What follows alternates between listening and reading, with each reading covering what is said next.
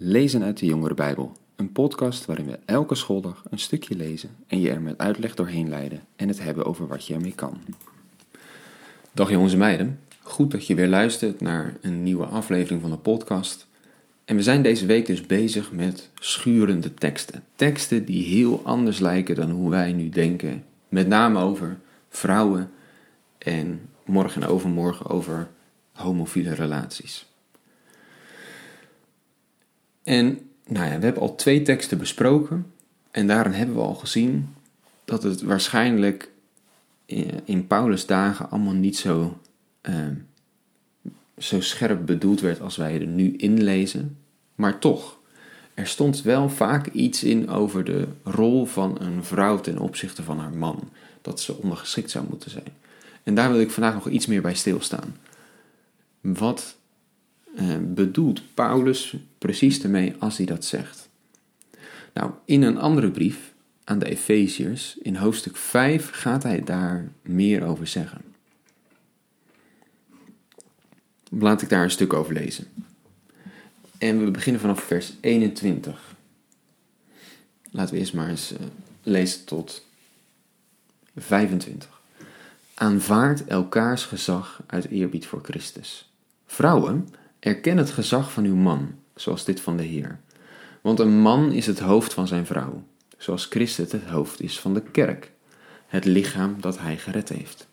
En zoals de kerk het gezag van Christus erkent, zo moeten vrouwen in ieder opzicht het gezag van hun man erkennen.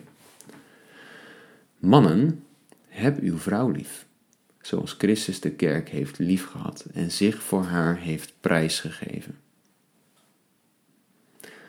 Iets verderop zegt hij nog in vers 28: Zo moeten mannen hun vrouw lief hebben als hun eigen lichaam. Wie zijn vrouw lief heeft, heeft zichzelf lief. Niemand haat ooit zijn eigen lichaam. Integendeel, men voedt en verzorgt het, zoals Christus de kerk.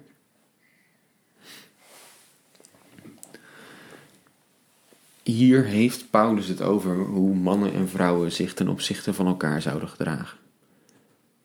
En inderdaad, hier komt dat ook weer terug. Vrouwen, erken het gezag van uw man. En eigenlijk staat er ook dat ze, de vrouwen ondergeschikt zouden moeten zijn aan hun man. Nou moet ik er wel gelijk bij zeggen, in het vers ervoor staat het veel algemener. Aanvaard elkaars gezag uit eerbied voor Christus. Wees juist aan elkaar ondergeschikt. Niet alleen vrouwen aan mannen, maar ook iedereen aan iedereen. Dus ook mannen aan hun vrouw. Oké. En nou ja, dat eerste vers aanvaardt elkaars gezag, dat gaat eigenlijk over hoe we ons allemaal zouden moeten gedragen. We zouden ons allemaal, namelijk niet heel erg, hè, alsof, alsof wij onszelf zo geweldig vinden, onszelf heel hoog moeten opstellen. We zouden allemaal die houding moeten hebben van dat we nederig zijn. Dat we de ander erkennen als hè, niet iemand die onder ons staat, maar gelijk en misschien zelfs boven ons staat. Als je op zo'n manier naar elkaar kijkt en je bent nederig, dat is een goede houding. Zo was Jezus ook toen hij rondliep op aarde. Maar dan gaat Paulus specifieker over hoe moeten vrouwen en mannen in een huwelijk met elkaar omgaan, nadenken. En dan zegt hij dus tegen de vrouwen: erken het gezag van uw man, zoals dat van de Heer. En dan gaat er een soort vergelijking doen. De Heer, hè, Jezus Christus, is het hoofd van de kerk. Hij is het hoofd van het lichaam dat hij heeft gered. En er wordt een bepaald beeld bij genoemd. Een hoofd en een lichaam. En dat is een beeld wat Paulus wel vaker gebruikt voor de kerk. Een lichaam met allemaal leden die allemaal verschillende functies hebben, maar toch bij elkaar horen. Zo omschrijft hij ook wel eens ons allemaal in de kerk. We hebben allemaal verschillende ideeën, verschillende achtergronden. We hebben verschillende dingen waar we goed in zijn, maar we horen allemaal bij elkaar. En wij zijn degene die allemaal een stukje mogen bijdragen aan hè, dat grote plan van God en dat werk waar hij mee bezig is. Nou, maar er is dus een hoofd van dat lichaam en dat is Christus. En wat doet een hoofd met een lichaam? Een hoofd geeft richting. Een hoofd die vertelt wat we, hè, waar we heen gaan en wat de goede manier is. En hij stelt dat dus een beetje gelijk aan hoe een man het hoofd is van zijn vrouw. Nou, ik had het er gisteren al een beetje over. Toen Paulus een beetje leek te hinten op dat mannen een soort van als een eerstgeborene de leiding mogen nemen om vooral goed voor hun familie te zorgen, om te zorgen dat het goed gaat met hen. Nou, dat is iets dat past helemaal ook in het plaatje hier. mannen zouden hun vrouwen lief moeten hebben, zouden voor hen moeten zorgen en mogen daarin een bepaalde voor, vooropgaande rol op zich nemen. En nou ja, dat, het is een beetje eh, algemeniserend als je dat altijd zegt. En het geldt niet altijd als je man en vrouw bij elkaar zet. Maar heel vaak gaat dat eigenlijk ook wel natuurlijk. Vinden vrouwen het prima als de man een beetje de grote beslissingen nemen en voorop staan en uh, de leiding nemen. Terwijl zij op de achtergrond heel veel dingen regelen en ervoor zorgen dat het goed gaat en dat, het, uh, dat er voor iedereen gezorgd wordt. Eigenlijk gaat dat heel vaak natuurlijk. En ik zeg er dus bij, dat is niet altijd zo. Want er zijn ook relaties waarin vrouwen juist eh, wat sterker zijn, wat meer de, de eh, leiding pakken en mannen weer een andere rol hebben. Maar over het algemeen, misschien is dat wel een beetje hoe God man en vrouw in elkaar gezet heeft. Dat mannen inderdaad dat meer hebben. Dat ze voorop staan en zeggen, nou, dit is de goede richting op. En dat vrouwen een klein beetje bijsturen natuurlijk. En een beetje vertellen wat goed is en uh, op de achtergrond zorgen voor alles. En dan is het eigenlijk dat Paulus tegen de vrouwen zegt: als dat nou de rol is die een man vanuit God mag hebben in zijn gezin, dat hij dus mag zorgen voor zijn gezin en uh, voorop mag gaan. Nou, misschien moet je dat dan als vrouw erkennen, hè? want uh, vrouwen erkennen het gezag van uw man. Laat je man die rol spelen. En mannen, dat betekent dus niet ik, dat jij alle beslissingen mag maken en dat je vrouw maar overal ja moet knikken. Vooropgaan betekent iets heel anders.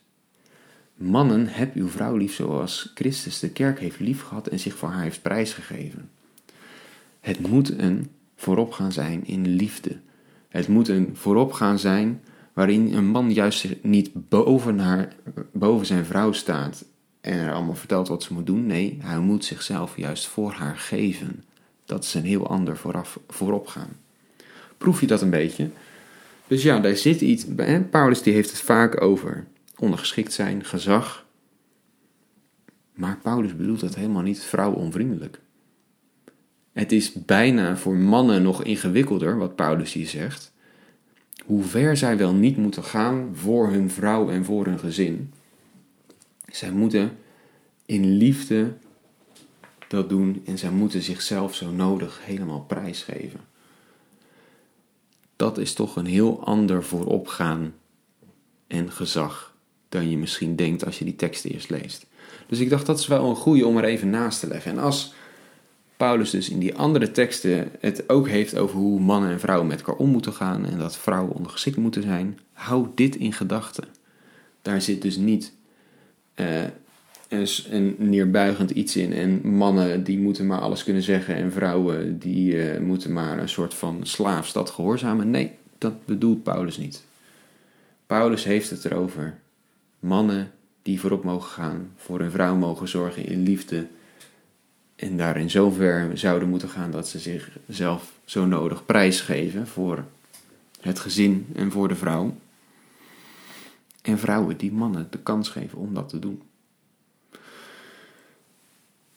Dus ja, dat is misschien wel interessant om hierbij in gedachten te houden. En als we dan teruggaan naar die andere teksten die we gelezen hebben, dat Paulus het een probleem vindt als ehm, vrouwen onderwijzen, hè, dat laten we in 1 Timotheüs 2, omdat dat een vorm is waarin juist een vrouw gezag heeft over de man. En dat zou de rol omdraaien die zo duidelijk hij naar voren brengt in dit stuk, die bij man en vrouw horen.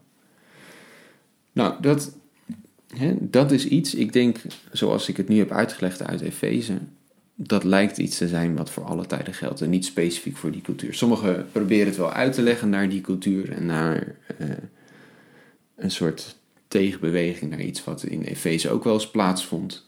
Daar zal ik nu niet diep op ingaan. Maar hè, met dit in, in je achterhoofd zou je kan je begrijpen hoe Paulus daar denkt en redeneert. Nog steeds kan je de vraag stellen van, is dat nu nog steeds zo in onze tijd, dat onderwijs een vorm van gezag hebben is? En dat dat dus niet past bij hoe Paulus hier over man en vrouw en hun rol die ze mogen hebben praat. Uh, maar dit is goed om in je achterhoofd te houden. Ja, dus ik heb met jullie wat nagedacht over deze teksten. En je hebt misschien ook wel gemerkt dat ik niet overal even duidelijk antwoord op geef. En dat doe ik bewust, omdat we dus ook gewoon veel dingen niet precies weten. En dan is het maar beter om niet heel stellig te zeggen: het zit zo of het zit anders.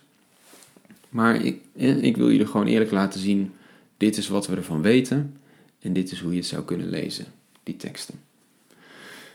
Nou ja, we gaan morgen en overmorgen gaan we op zo'nzelfde manier eens kijken naar andere schurende teksten. Alleen dan over homofiele relaties. Tot dan.